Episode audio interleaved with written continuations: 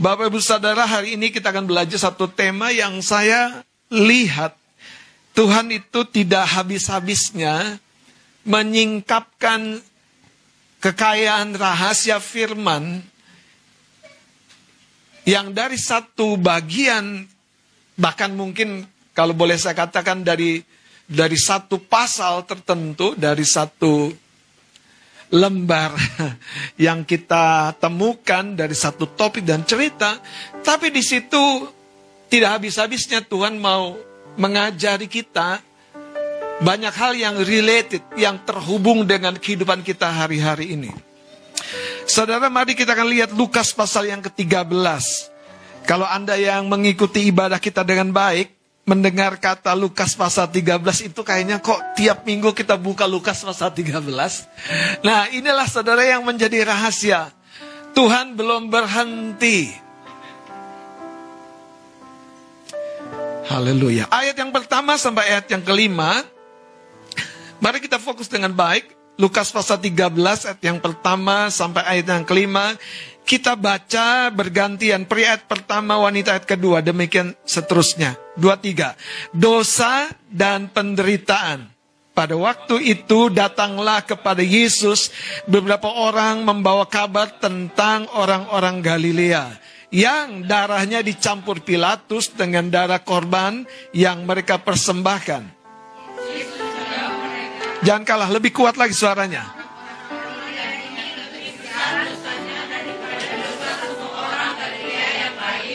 Karena mereka mengalami nasib itu. Tidak kataku kepadamu, tetapi jikalau kamu tidak bertobat, kamu semua akan binasa atas cara demikian. Atau sang kamu adalah yes. orang yang mati ditimpa menak dekat Siloam, lebih besar kesalahannya daripada kesalahan semua orang lain yang diam di Yerusalem. Sama-sama. Tidak kataku kepadamu, tetapi jikalau kamu tidak bertobat, kamu semua akan binasa atas cara demikian. Bapak saudara kalau kita membaca cerita ini, secara garis besar sepertinya kita membaca Yesus sedang menyampaikan teguran. Kepada orang-orang yang membawa kabar yang mereka lihat. Masalahnya kita harus simak di sini. Orang-orang ini membawa cerita, tapi cerita itu tidak berbicara kepada diri mereka. Itu poin yang paling sensitif, saudara. Coba lihat saudara, pada waktu itu datanglah kepada Yesus beberapa orang membawa kabar tentang orang-orang Galilea. Sepertinya peduli ya. Sepertinya aku tahu sesuatu. Dan dia bawa cerita kepada Yesus. Kita harus concern kepada kepedulian Yesus dalam cerita ini. Karena kontras sekali dengan kepedulian orang-orang yang datang membawa kabar itu.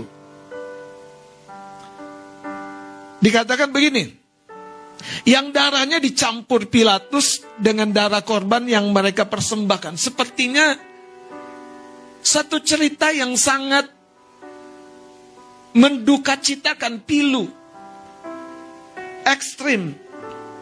Darahnya dicampur untuk dipersembahkan dalam persembahan korban. Bukan kepada Allah tentu. Nah, ayat duanya ini, saudara. Saya berdoa roh kudus mengajari kita sesuatu yang betul-betul Tuhan lagi ngomong kepada kita secara pribadi. Lantas, apa concernmu? Apa kepedulianmu? Dari kisah yang kau lihat dan kau bawa kepadaku, apa kepedulianmu? Ternyata saudara, hanya peduli kepada orang lain, salah besar. Tuhan balikan. Sekarang kamu peduli nggak dengan hidup kamu, keselamatan kamu? Poinnya adalah, kita bukan disalahkan untuk care, melayani, peduli kepada orang lain. Tapi poinnya waspada. Karena kita bisa masuk dalam satu kesadaran apa yang kita pedulikan begitu dengan sangat, bahkan ada istilah kepo. itu akan menutup informasi yang sebetulnya sedang ditujukan kepada batin kita. Nah, informasi yang kita harusnya terima, namun terhalangi, terhalangi apa? Karena kita begitu menyoroti orang lain, begitu menyoroti medsos orang lain, begitu menyoroti profil orang lain, kabar berita dari orang lain. Pertanyaan Tuhan buat kita, bagaimana kabarmu? Bagaimana kabarmu anakku? Seorang guru gereja anak ngobrol-ngobrol sama saya. Ya om, yang paling saya kadang-kadang tidak nyaman dalam proses pertumbuhan rohaninya adalah ketika kalau dia menceritakan firman di gereja anak. Sementara itu dia sendiri belum menghidupinya. Dia ingat dua ayat yang sering saya sampaikan. Yang pertama, kalau kamu menyesatkan salah seorang dari anak-anak ini, lebih baik kamu diikat oleh batu kilangan di lehermu. Ini Tuhan Yesus yang ngomong, selalu bukan saya. Dan diapain? Diapain? Diceburin ke? Kayaknya ekstrim banget ya. Makanya saya sering bilang, ayo guru gereja anak. Ngajar kita tuh jangan jadi zona aman, zona abu-abu, dan kau bersembunyi di sana dan seolah-olah sudah kasih waktu kau ke gereja kepada Tuhan. No, no, no, no. Betul, saudara. Tapi bukan hanya untuk guru gereja anak, untuk saya, untuk kita semua. Haleluya. Amin. Untuk kita semua. Makanya coba lihat. Yesus menjawab mereka. Oh kasihannya mereka ya. Kayaknya Yesus kok nggak peduli orang ya. Oh, dia didatengin misalnya apa KPK gitu ya. Karena korupsi miliaran. Kamu tahu kamu juga punya korupsi-korupsi yang gak kamu beresi. Gak miliar sih. Coba, itu yang Tuhan mau bilang. Kamu gak korupsi uang sih. Cuman lihat waktumu itu. Itu yang Tuhan mau bilang.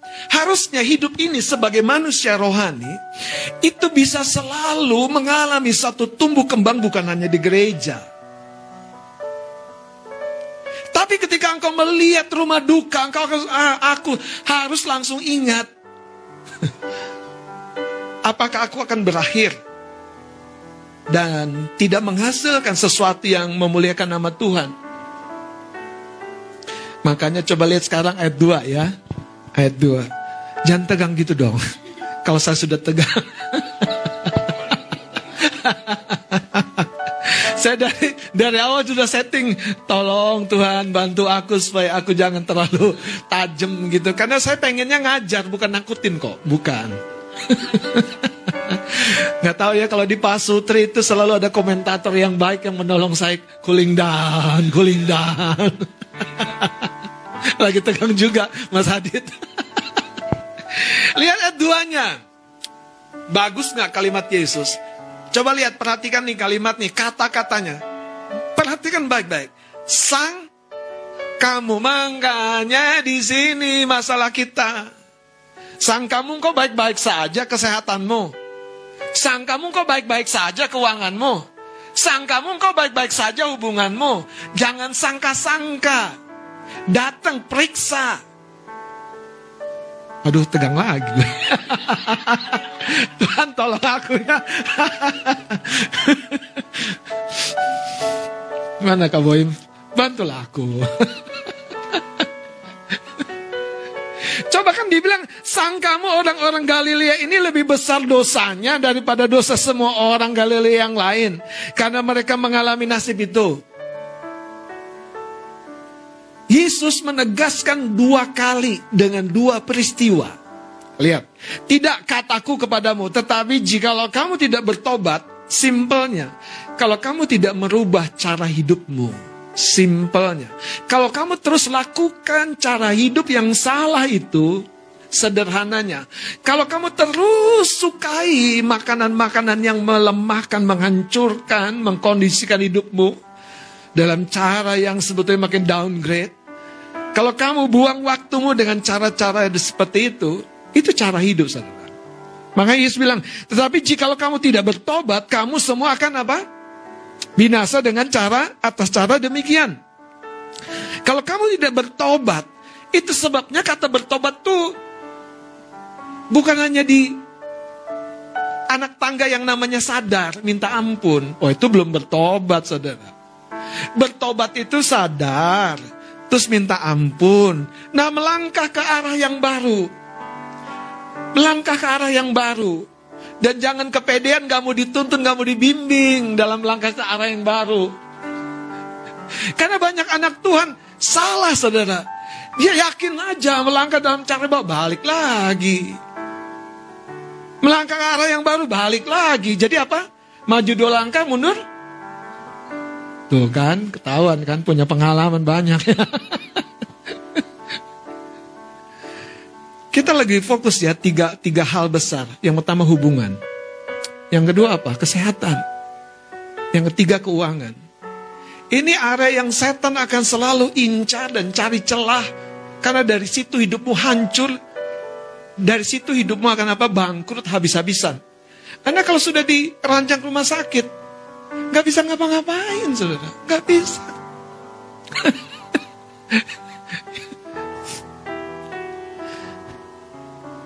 Kita mau jadi terang. Kalau tiap-tiap kali kita mau jadi terang, dan kita lantas ingat sesuatu yang belum jadi terang dalam diri kita, tapi kita nggak mau rubah, nah itu masalahnya. Akhirnya apa? Terang yang kita sampaikan sebetulnya lebih bersifat kemasan. Lihat ayat ini. Ayat empatnya sekarang. Atau sangkamu ke 18 orang yang mati ditimpa. Nah sekarang Yesus nggak mau kalah. Dia ceritain yang dia tahu saudara. Makanya siapa bilang Yesus nggak tahu. Cerita orang yang nggak tahu. Oh dia mah tentu, saja berhasil. Dia mah begini begitu. Aduh Tuhan bilang nah. Nggak usah kamu ceritain. Satu kali Petrus nanya sama Yesus. Setelah Petrus pulih. Dia nanya sama guru. Dia ngomong tentang Yohanes. Teman satu pemuridannya. Orang ini gimana kira-kira? Apakah dia akan hidup terus? Yesus bilang agak ekstrim. Kalau aku mau dia masih hidup sampai aku datang, itu bukan urusanmu. Katakan don kepo. Tetapi apa kata Tuhan?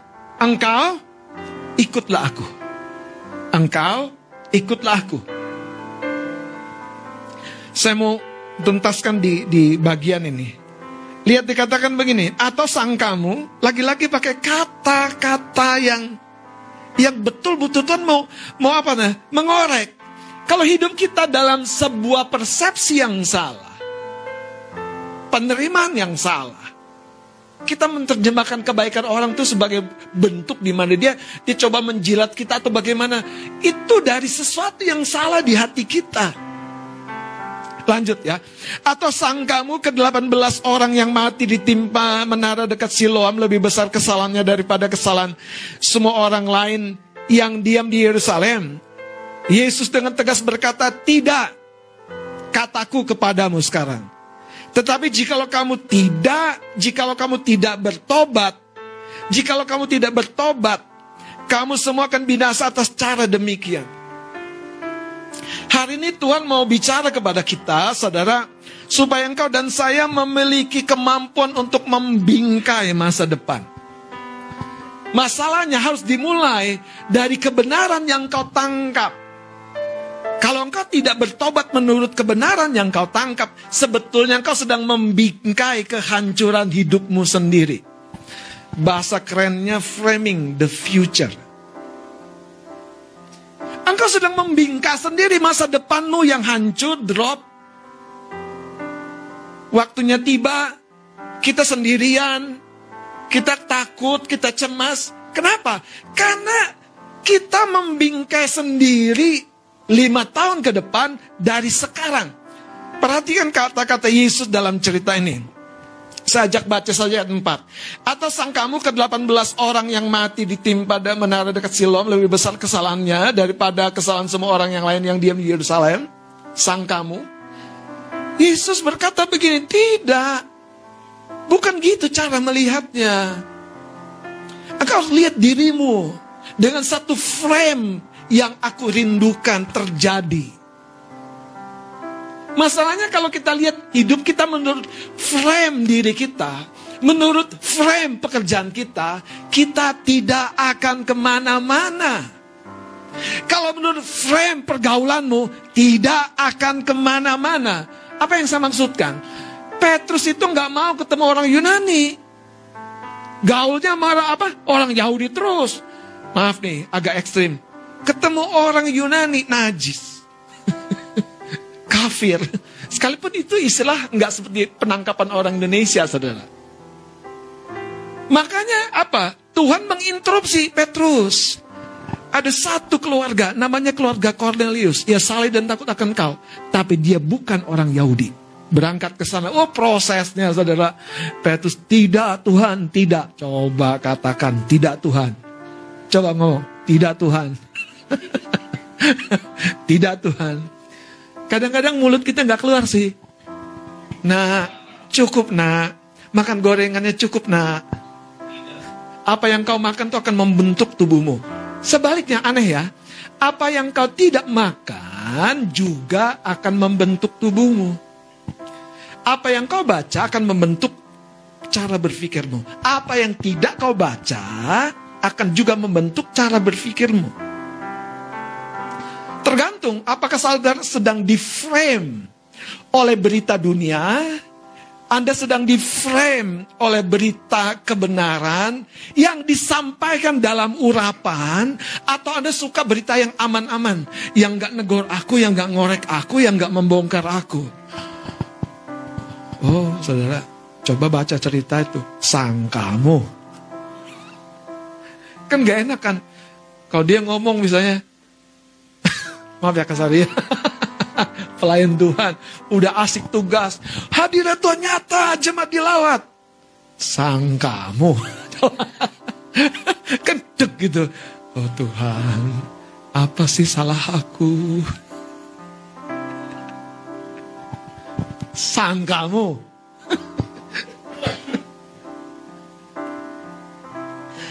Jadi coba tanya dan renungan sebentar. Apakah Anda sedang memframe atau membingkai masa depanmu dengan benar? Halo? Jangan sampai setan tiba-tiba masuk dan mencuri dan menghabisi apa? Hubunganmu. Kedua apa? Kesehatanmu. Ketiga, keuanganmu. Dan baru di sana nangis, Om tolong aku Om. Lu ke mana aja kemarin? enggak sih, kalau sama saya enggak. Nama kakak iya mungkin.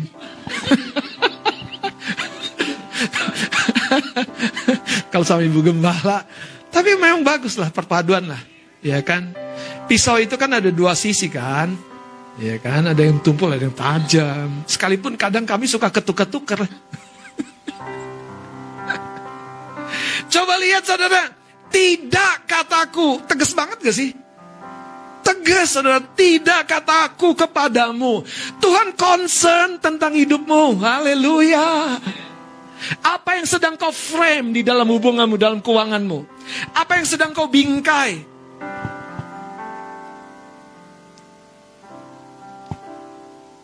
Saya doyan makan nasi. Tapi masih umur 40 tahun, itu jadi barang haram. jadi saya pesan sama Kanani, satu sendok makan itu bolehlah taruh di piring saya. Itu pun masih disisain sedikit supaya ada pesan di sini terus. Itu hanya pelengkap terakhir. Maaf ya Bapak Ibu, kalau yang Anda cintanya masih seperti saya dulu. Saya ngomong ini nggak nggak gimana loh, karena isi saya cinta. Kalau makan, nasinya kayaknya lebih enak dari lauknya. saya ngomong enaknya enak, itu beneran saudara. Ayam bisa sepotong, nasi bisa dua piring. Gimana Bang Daniel? Kalau maaf ya, seusia Samuel, it's okay, bagus. Makan jangan dikena. Kalahkan Bang Adit. Kalahkan siapa di sini juara? Karena usia yang saya tumbuh Bang Nugrah kan.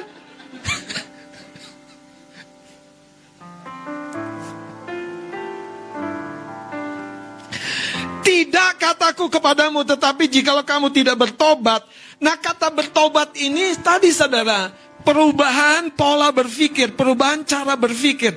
Berpikir apa? Tentang dirimu yang pertama-tama. Eh, kita bukan aman-aman saja. Kita bukan sehat-sehat saja. Kita bukan, maaf ya, kadang-kadang kita melebih-lebihkan kata diberkati. No, kita harus jaga blessing kita. Ke gereja bukan segala-galanya sepanjang minggu. Tiap hari harus doa. Ada amin? Yang kenceng dong. Ada amin? Haleluya. Saudara saya mau berikan beberapa hal supaya kita bisa lihat. Semoga dengan cepat ya. Kita memframing diri kita. Sadar tahu? Ketidakpedulian itu adalah jahat. Kalau Anda tidak peduli dengan kesehatan Anda, Anda itu jahat di mata Tuhan. Tubuhmu adalah baik. Anda jahat. Eh, ini benar, benar, benar banget, benar banget, benar banget. Tapi kalau Anda mengelola hidupmu, waktumu, makanmu untuk tubuhmu bugar sehat, apalagi besok mau pelayanan, Anda berkenan pada step yang paling awal di mata Tuhan. Bukan sekedar, maaf ya, pelayanan yang sudah di panggungnya, bukan. Satu lagi. Dari tadi ya, bagaimana orang-orang cerita sama Yesus. Penundaan itu adalah jahat. Ini poinnya. Dalam konteks kita membingkai masa depan kita. Apa yang engkau tunda lakukan, engkau jahat, engkau sedang mengabaikan rencana Tuhan. Engkau sedang terbengkalaikan rencana Tuhan. Apa yang kau tunda? Pada Tuhan sudah mendorong hatimu. Engkau sudah didorong di hatimu. Tapi kau tunda, kau tunda, kau tunda, kau tunda, kau tunda. Engkau jahat. Engkau sedang menolak Tuhan, kayaknya halus. Tapi ujungnya setan dapat celah. Ketika kau menunda, engkau menjadi tidak jadi melakukannya. Makanya saudara nonton video motivasi saja tidak cukup. Kami kan juga nonton video motivasi. Ayo exercise tiap pagi. Tapi tidak cukup saudara. Sampai kita disiplin melakukannya. Sekali lagi kata-kata ketidakpedulian dan penundaan ini key sekali saudara. Apa yang Anda tunda itu sebetulnya cikal bakal ketidaktaatan. Anda didorong, didorong, ayo dong beresi ini, beresi, beresi. Tapi, ah kayaknya nggak enak nih, Pak Gembala sibuk. Nanya enggak, udah mutus sendiri, sang kamu. Tapi emang banyak gitu kan? Ayo bongkar, tepuk bawah kanan kirimu, Pak Gembala nggak terlalu sibuk.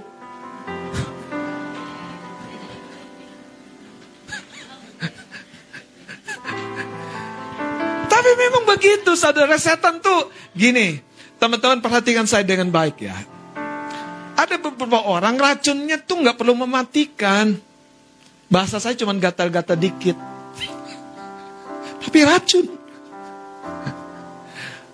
Kok nggak datang lupa? Eh lupa. lupa. Bisa lupa tugas. eh kemarin uh, aku lihat Asher Kok habis ibadah nggak ada yang tugas? Kamu kena ke mana kemarin? Lupa. Tuhan.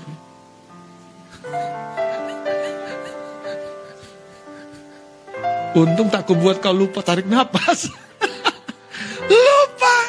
Itu racun yang sederhana sekali. Tapi beneran saudara. Karena ini ini ini ajaran yang banyak orang tidak suka, yaitu ajaran yang dilandasi dengan apa? Logika berpikir yang sehat. Saya nggak perlu ngeroh terlalu tinggi, saudara. Apa yang engkau terlalu pedulikan akan membuat engkau tidak peduli di sisi yang lain. Oh iya. Anda peduli banget kan menservis orang datang ke rumah? Bu Ibu, apa kabarnya? Oh kalau tamu datang, kita jadi nyonya dan tuan rumah yang terbaik. Bukannya dijamu, dibungkusin bawa pulang loh. Haleluya. Gimana Kak Yumi? Tapi besoknya pas kita buka dompet kita, di manakah mereka?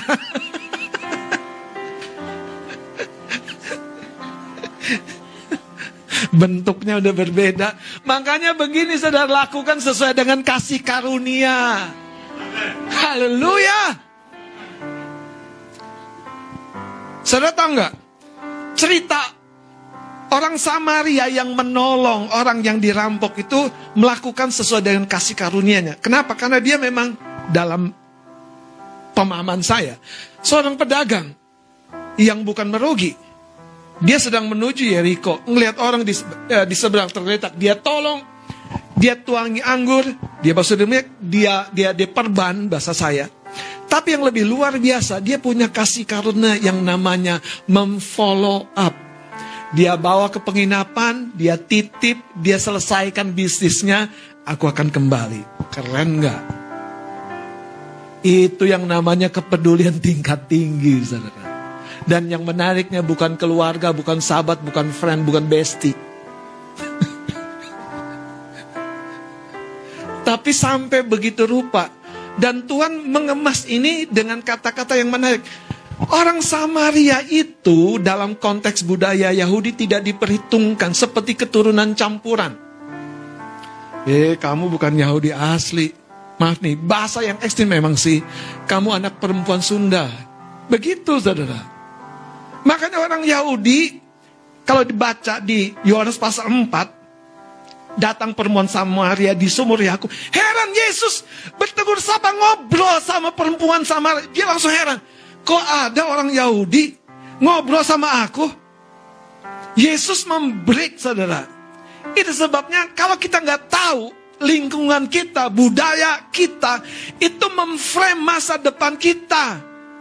Dan Yesus memberi budaya Yahudi begitu rupa. Supaya apa? Masa depan umat pilihan Allah tidak dikondisikan oleh orang-orang Farisi itu. Yang penting apa? Jubah panjang. Haleluya. Selamat datang hadirin yang dimuliakan.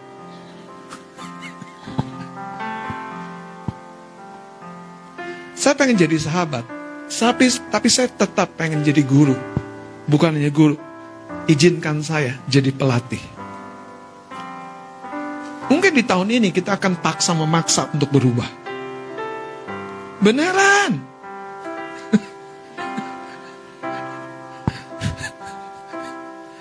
Karena banyak orang sadar levelnya tuh udah agak keras gitu.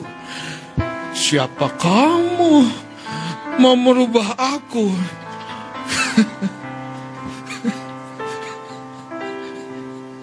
Karena banyak orang tuh sudah punya mindsetnya sendiri. Aku adalah aku. Dari dulu aku adalah aku. Makanya kalau dikoreksi, eh ketawamu kecilin dikit. Oh Tuhan, kok gereja sambil ngurusin ketawa aku? Iya, ketawamu tidak memberkati.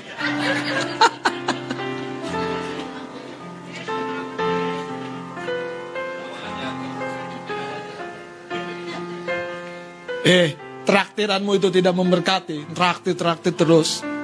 Periksa sekali-kali tabunganmu buat orang tuamu ada nggak? Tapi saya ngomong yang real loh. Apa yang kau tidak pedulikan itu akan turun, turun, akan hancur, akan hancur. Ibu-ibu, kalau engkau nggak mau catat pengeluaranmu, tinggal tunggu waktu. Bener ya bang? Eh bener banget.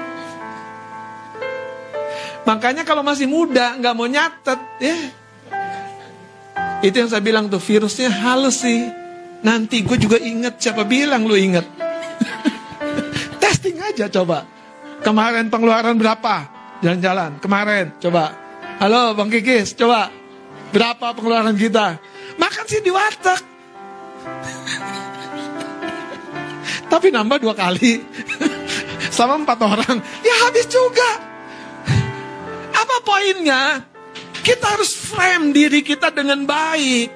Makanya jangan bawa uang tuh berlebih-lebihan. Tuh Anda sedang gini sombong. Beneran.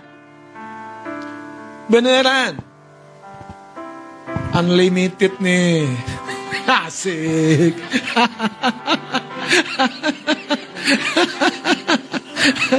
Gimana? Unlimited nih. Gimana kamu ya? Tapi jangan juga pura-pura kere terus. Gak ada, aku gak bisa, gak ada waktu. Bilang aja pelit.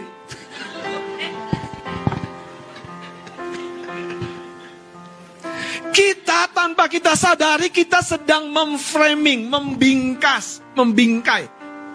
Saudara tahu nggak sih, yang Anda biasakan itu akan membentuk. Coba aja Anda nggak merespon hari ini. Loh, Alkitab kan bilang ini, kalau engkau mendengar suaranya hari ini, jangan keraskan. Hari ini. Bukan besok, hari ini.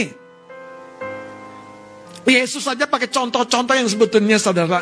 Kekristenan itu bukan nanti. Dia bilang, kalau kamu datang mempersembahkan korban ke bait Allah. Dan sementara kamu menuju mesbah. Teringat sesuatu di hatimu tentang sesuatu di hati saudaramu. Apa? Apa? Selesaikan pelayanan dulu kak. Khotbah dulu yang bagus kita kan. Yesus bilang apa? Titip, titip bukan dibawa pulang titip. Terus apa? Berbaikan dulu, lalu kembali. Berbaikan itu bukan nanti, bukan besok, bukan nanti malam. Waktu hatimu dimunculkan Tuhan. Poinnya apa? Waktu kau kita datang ke rumah Tuhan, ini Tuhan lagi ngaduk-ngaduk dengan firman-Nya. Memunculkan apa yang sebelumnya kau tidak pedulikan, ayo.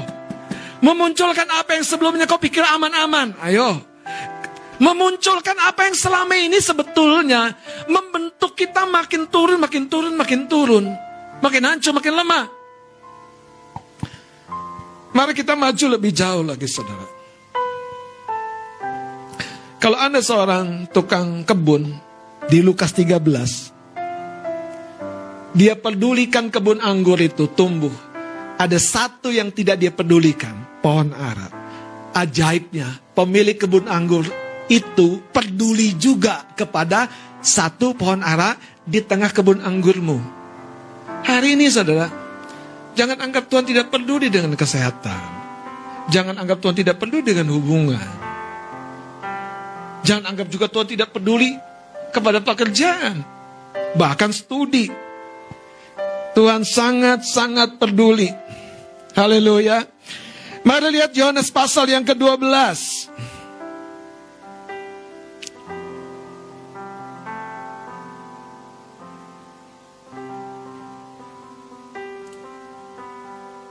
Tahukah kita bahwa Tuhan hendak menolong kita melihat Tuhan hendak menolong kita melihat versi diri kita yang sudah ada di masa depan. Makanya dia ajarin frame, bingkai siapa dirimu di depan, masa depanmu. Bingkai dengan benar, bingkai dengan baik. Jalani proses pelatihan. Kenapa Yusuf diizinkan Tuhan mengalami berbagai-bagai duka cita. Tuhan sedang membingkai masa depan seorang pemimpin yang tegar, yang kuat, yang membangun hubungan juara. Gak ada sakit hatinya, gak ada bapernya. Mau nangis aja permisi, masuk ruangan dalam, nangis dulu habis, baru kembali jumpai keluarganya yang selama ini mengkhianati dia. Wow, luar biasa Yesus. Dilatih Tuhan, dibingkai masa depan. Dan ternyata yang paling menarik, siapa Yusuf ketika dia sudah jadi, itu mempengaruhi masa depan sebuah keluarga. Mempengaruhi masa depan sebuah bangsa. Jangan berpikir hidupmu biasa-biasa. Hidupmu itu kunci satu keluarga. Hidup itu kunci satu komunitas. Hidup itu kunci satu bagian dalam pekerjaan. Lihat saudara dalam kitab Yohanes pasal yang ke-12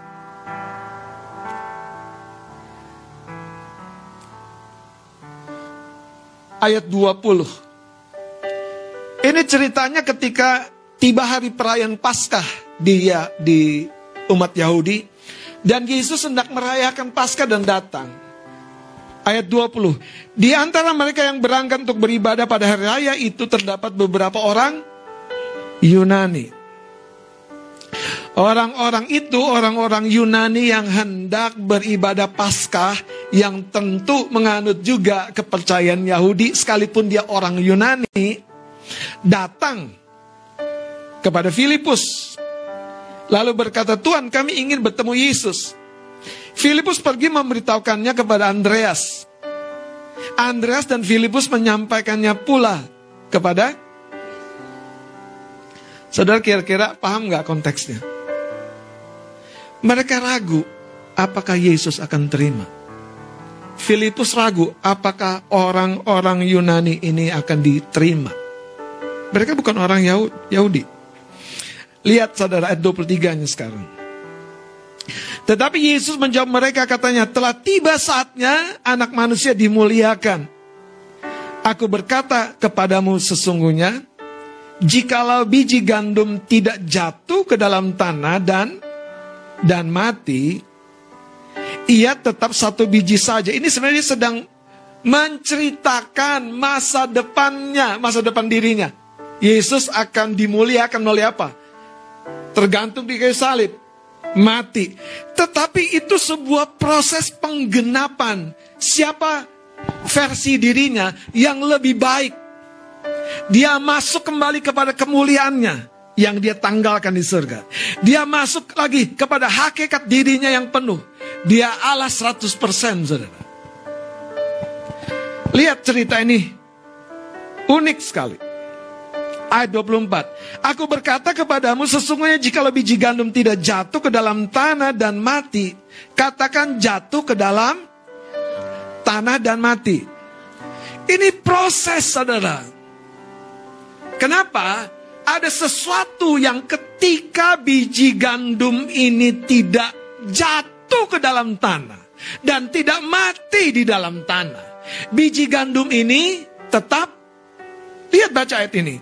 Tetapi jika ia mati, sorry, di kalimat atasnya, ia tetap satu biji saja. Tetapi jika ia mati, ia akan menghasilkan ayat 25 sama-sama. Barang siapa mencintai nyawanya, ia ya, akan kehilangan nyawanya. nyawanya. Tetapi barang siapa, siapa tidak mencintai nyawanya di dunia ini, ia akan memeliharanya untuk hidup yang kekal. Kekasih-kekasih Tuhan, Tuhan sudah tahu siapa kita satu tahun, satu minggu di depan. Masalahnya, apakah kita mau mengambil prosesnya? Itulah cara dia mengajar kita untuk membingkai masa depan kita. Kalau kita tidak mengambil prosesnya dengan benar, yaitu menanggalkan kedirian kita, kita tidak bisa berubah. Makanya jatuh ke dalam tanah, proses gelapnya tanah kebun. Proses gelapnya tanah kebun dengan segala elemen di dalamnya, itu menghancurkan bukan potensinya, tapi menghancurkan kulit keras yang menahan potensi itu untuk keluar. Selalu saudara aniaya dibutuhkan, katakan amin. Selalu saudara bahkan pengkhianatan dibutuhkan. Yesus tuh nggak tengking Yudas, sok Yudas. dia tahu itu yang membuat dia sempurna genap rencana Bapa. Mati di kayu salib. Itu sebabnya kalau semua yang buruk itu ingat, kulit keras kita lagi dikerat. Ego kita, kesombongan kita, lagi dikerat dan tersembunyi di bawah tanah tujuannya. Sampai seperti cerita tinggallah di Yeriko. Yang benar akan tumbuh dari potensi-potensi itu. Hidup kita akan sangat-sangat berbuah lebat. Makanya ayat ini berkata ayat 24 tetapi jika ia mati katakan aku mau mati. Bagi diriku sendiri tentang diriku yaitu egoku aku mau mati Supaya apa? Yang di dalam diriku yaitu Kristus tumbuh Potensi itu tumbuh. Kebenaran tumbuh, belas kasihan tumbuh, kemurahan hati itu tumbuh, kedisiplinan penguasaan diri tumbuh. Dan dengan semua itu, dia sangat disukakan, dia sangat disenangkan oleh apa yang kita alami. Kekasih-kekasih Tuhan, bagaimana kita memframe, membingkai masa depan kita. Ada satu cerita dalam satu Raja-Raja 12 ayat 8. Ini tentang seorang anak raja namanya Yerobeam. Sayangnya, setelah dia mewarisi kerajaan,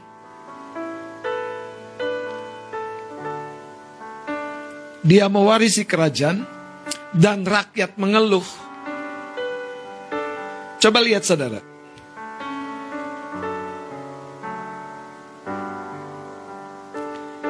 Dari ayat yang ke-6, Yerobeam dan Rahabeam. Dan pecahnya kerajaan itu di bawah anaknya Salomo. Ayat 6.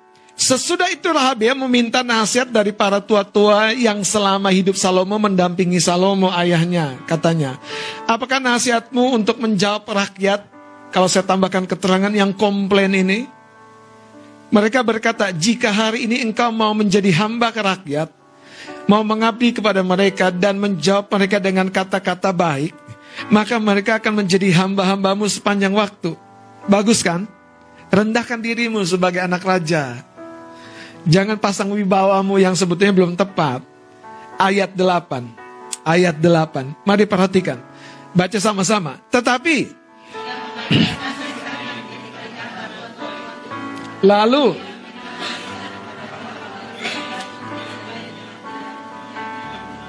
Hah, Saudara tahu Nasihat-nasihat itu Pembentuk masa depan kita Nasihat-nasihat itu adalah frame dari bingkai atau bingkai dari masa depan kita.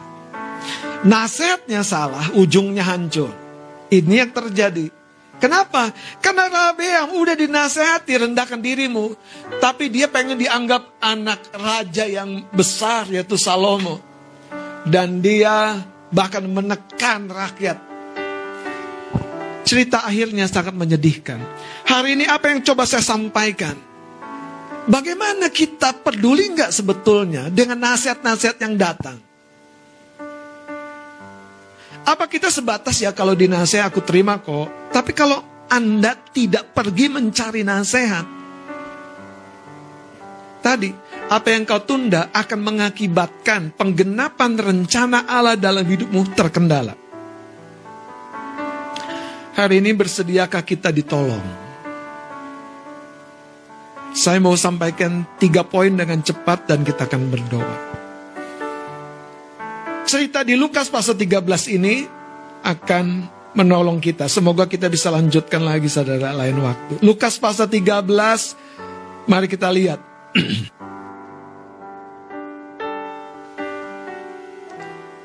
Anda baca berulang-ulang Lukas pasal 13 ini. Ayat 10 saya akan baca dengan cepat.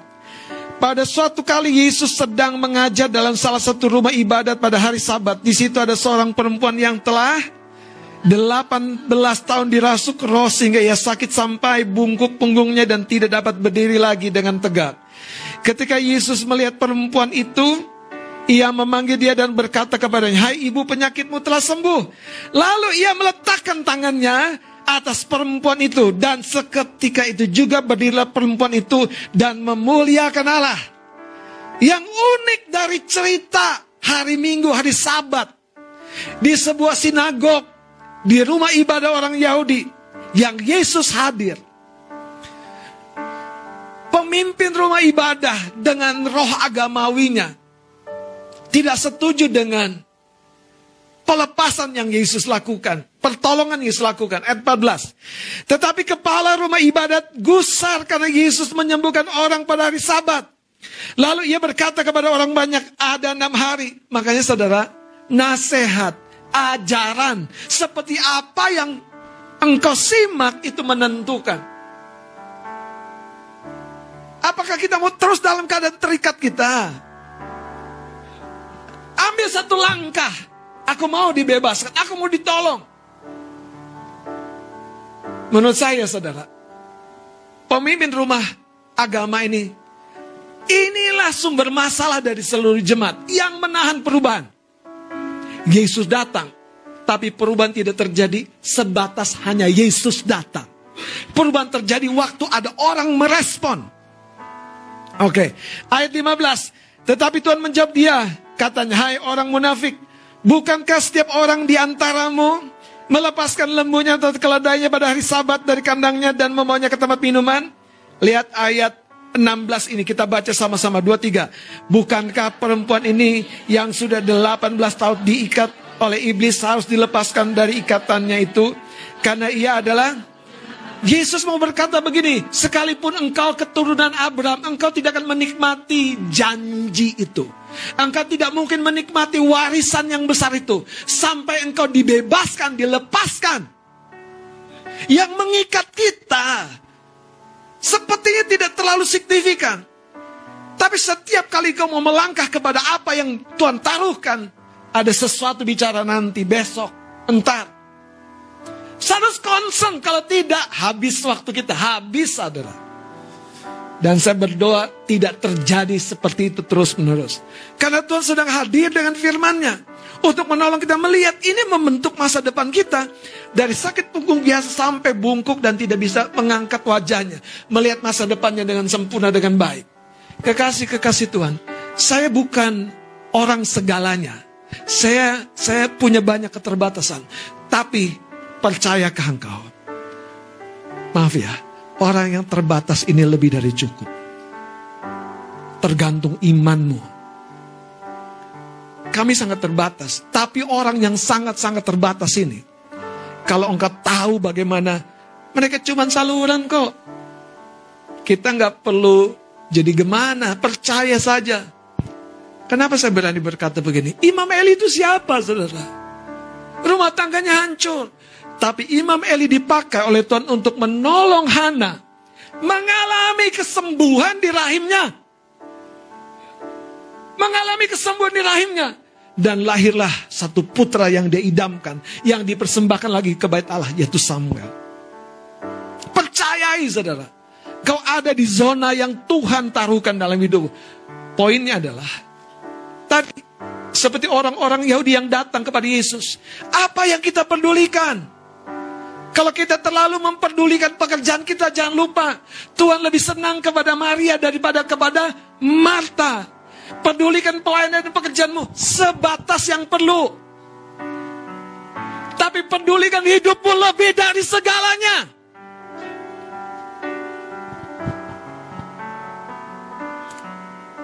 Yang pertama saudara, kita harus mengalami pelepasan. Perlu sekali. Perlu waktu kita didoakan sampai yang mengikat kita dibebaskan. Yang kedua, kita mengalami pemulihan dan kesembuhan. Artinya apa? Kita sudah dilepaskan, tapi masih banyak luka-luka. Kita masih perlu dikuatkan, dihibur, ditolong. Kita mengalami pemulihan dan kesembuhan. Yang terakhir, kita perlu mengalami pembentukan Tuhan. Buka Yesaya 43 ayat 6 dan 7. Tolong seorang yang sudah dapat langsung boleh baca ayat 6 dan 7. Ayat 6 dan ayat iya. yang ketujuh. Firman Tuhan, aku akan berkata kepada utara, berikanlah. Dan kepada selatan, janganlah tahan-tahan. Bawalah anak-anakku laki-laki dari jauh. Yeah. Dan anak-anakku perempuan dari ujung-ujung bumi. Yes. Semua orang yang disebutkan dengan namaku, yeah. yang kuciptakan untuk kemuliaan, yeah. yang kubentuk dan yang juga Tuhan punya rancangan siapa kita kita yang akan menyatakan kemuliaan Tuhan, tapi butuh pembentukan. Butuh pembentukan dan sebelum dibentuk setiap tanah liat harus diambil dan dibersihkan, dilepaskan dari material yang tidak berguna baru dibentuk oleh tangan penjunan. Kita perlu masuk dalam tahap pembentukan. Ayat 29 dan 31 lagi, Mas Adit. Ayat 29. Ya. Iya, Yesaya. Oh, sorry. Ada? Gak ada, Bang. Yesaya. Berarti, tunggu dulu saya lihat ya. Yesaya 43. Sampai 28 doang, Bang. Baik. Jadi, uh, Ayat 28. Ya, betul ayat ayat ayat 21. Ayat 21. Ayat 21. Umat yang telah kubentuk bagiku akan memberitakan Jadi syuran Tuhan serius dengan yang namanya pembentukan. Sekalipun itu umatnya, tidak ada yang otomatis masa depan umat Tuhan, masa depan anak Tuhan, masa depan anak raja. Tidak ada yang otomatis. Perlu tahap itu saudara, tidak ada yang otomatis. Karena itu ketika anaknya Salomo datang dengan cara berpikir yang salah, yang mengandalkan hikmat orang yang seusianya, yang bahkan sebetulnya tidak lebih baik dari dirinya. Itu yang malah diandalkan.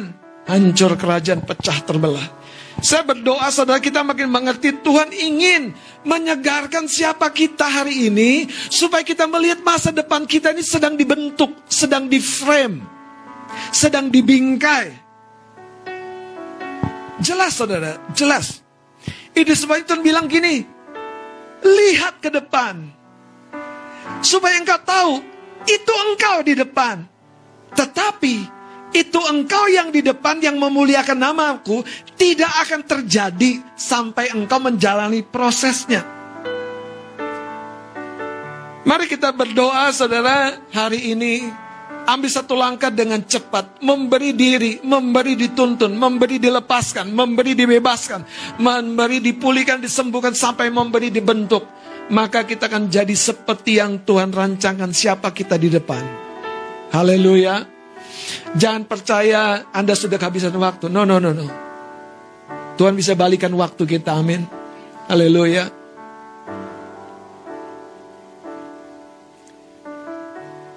Satu dua menit saudara. Sementara musik mengalun. Coba renungkan apa yang engkau pedulikan. Apa yang kepadanya engkau pedulikan. Begitu rupa engkau pedulikan sampai engkau tidak peduli hal-hal yang lain. Sampai engkau kurang peduli waktu teduhmu pribadi. Sampai engkau tidak peduli waktu bersama dengan keluarga, dengan orang-orang yang tepat, dengan pemimpinmu.